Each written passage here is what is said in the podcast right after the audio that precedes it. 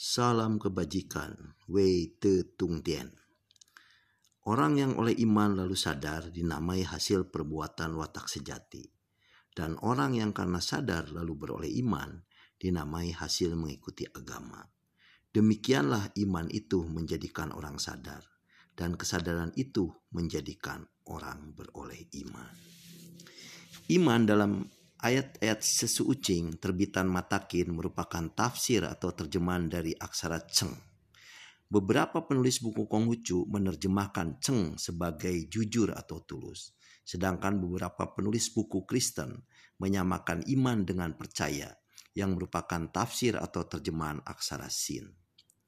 Xie Chi sebagai tokoh utama tim penerjemah kitab Sesu Ucing ke dalam bahasa Indonesia menjelaskan ceng atau iman adalah sempurnanya kata batin dan perbuatan. Atas tafsir ini, Xie Chi tidak memberi uraian lebih lanjut mengenai apa maksud sempurnanya kata batin dan perbuatan. Suhu Chiu dalam satu diskusi mengatakan bahwa sempurnanya kata batin dan perbuatan adalah saat kata dan perbuatan selaras atau digerakkan oleh firman Tien dalam diri manusia. Tian Ming atau firman Tien itulah dinamai watak sejati. Demikian sabda dalam kitab Chung Yung bab utama ayat 1. Lebih lanjut disabdakan dalam ayat yang sama bahwa berbuat mengikuti watak sejati itulah dinamai menempuh tau. Bimbingan untuk menempuh tau itulah dinamai ciao. Saya pribadi cenderung mengartikan ceng atau iman sebagai ketulusan mengikuti firman Tien. Kesadaran akan diri adalah kesadaran yang muncul dari memberikan perhatian secara sengaja kepada beberapa hal sebagaimana adanya di masa kini tanpa menghakimi. Kesadaran akan diri bukanlah memberi lebih banyak perhatian, melainkan memberikan perhatian secara berbeda dan lebih bijak dengan segenap pikiran dan jiwa, menggunakan seluruh tubuh dan indera secara penuh. Saat mempraktekkan kesadaran akan diri, kita memfokuskan semua energi kita pada momen masa kini, pada bagaimana keadaan adanya saat ini. Kita tidak terseret oleh memori masa lalu atau kekhawatiran tentang masa depan. Sebaliknya, kita memahami bahwa pikiran hanyalah peristiwa-peristiwa mental sekilas yang datang dan pergi seperti awan melintasi langit.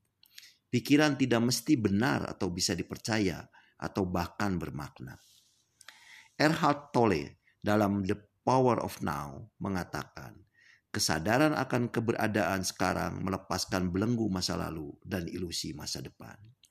Masa lalu dan masa depan menguasai keberadaan sekarang karena belenggu pikiran. Inilah yang dinamai ketidaksadaran.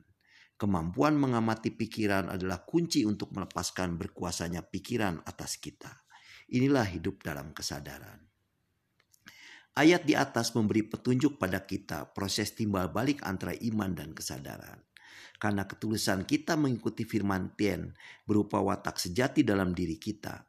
Watak sejati bekerja dalam diri kita dan kita beroleh kesadaran. Yakti menjalankan hidup saat ini dengan sepenuh hidup.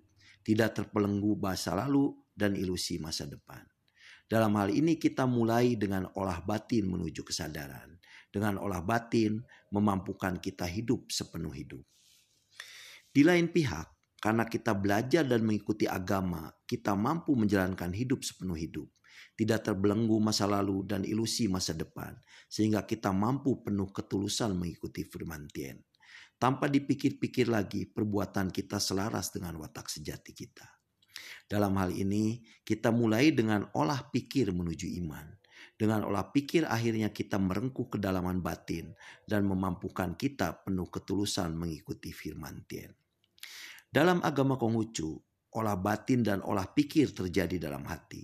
Meng Tse mengatakan tugas hati untuk berpikir. Dengan kedua proses timbal balik inilah manusia mengasah kemanusiaannya hingga akhirnya menemukan diri sejati yang akan mempersatukan dirinya dengan Tien. Mengce mengatakan yang benar-benar dapat menyelami hati akan mengenal sing, yang mengenal sing akan mengenal tien. Menjaga hati merawat sing atau watak sejati, demikianlah mengabdi kepada tien. Tentang usia pendek atau panjang jangan bimbangkan, siaplah dengan membina diri.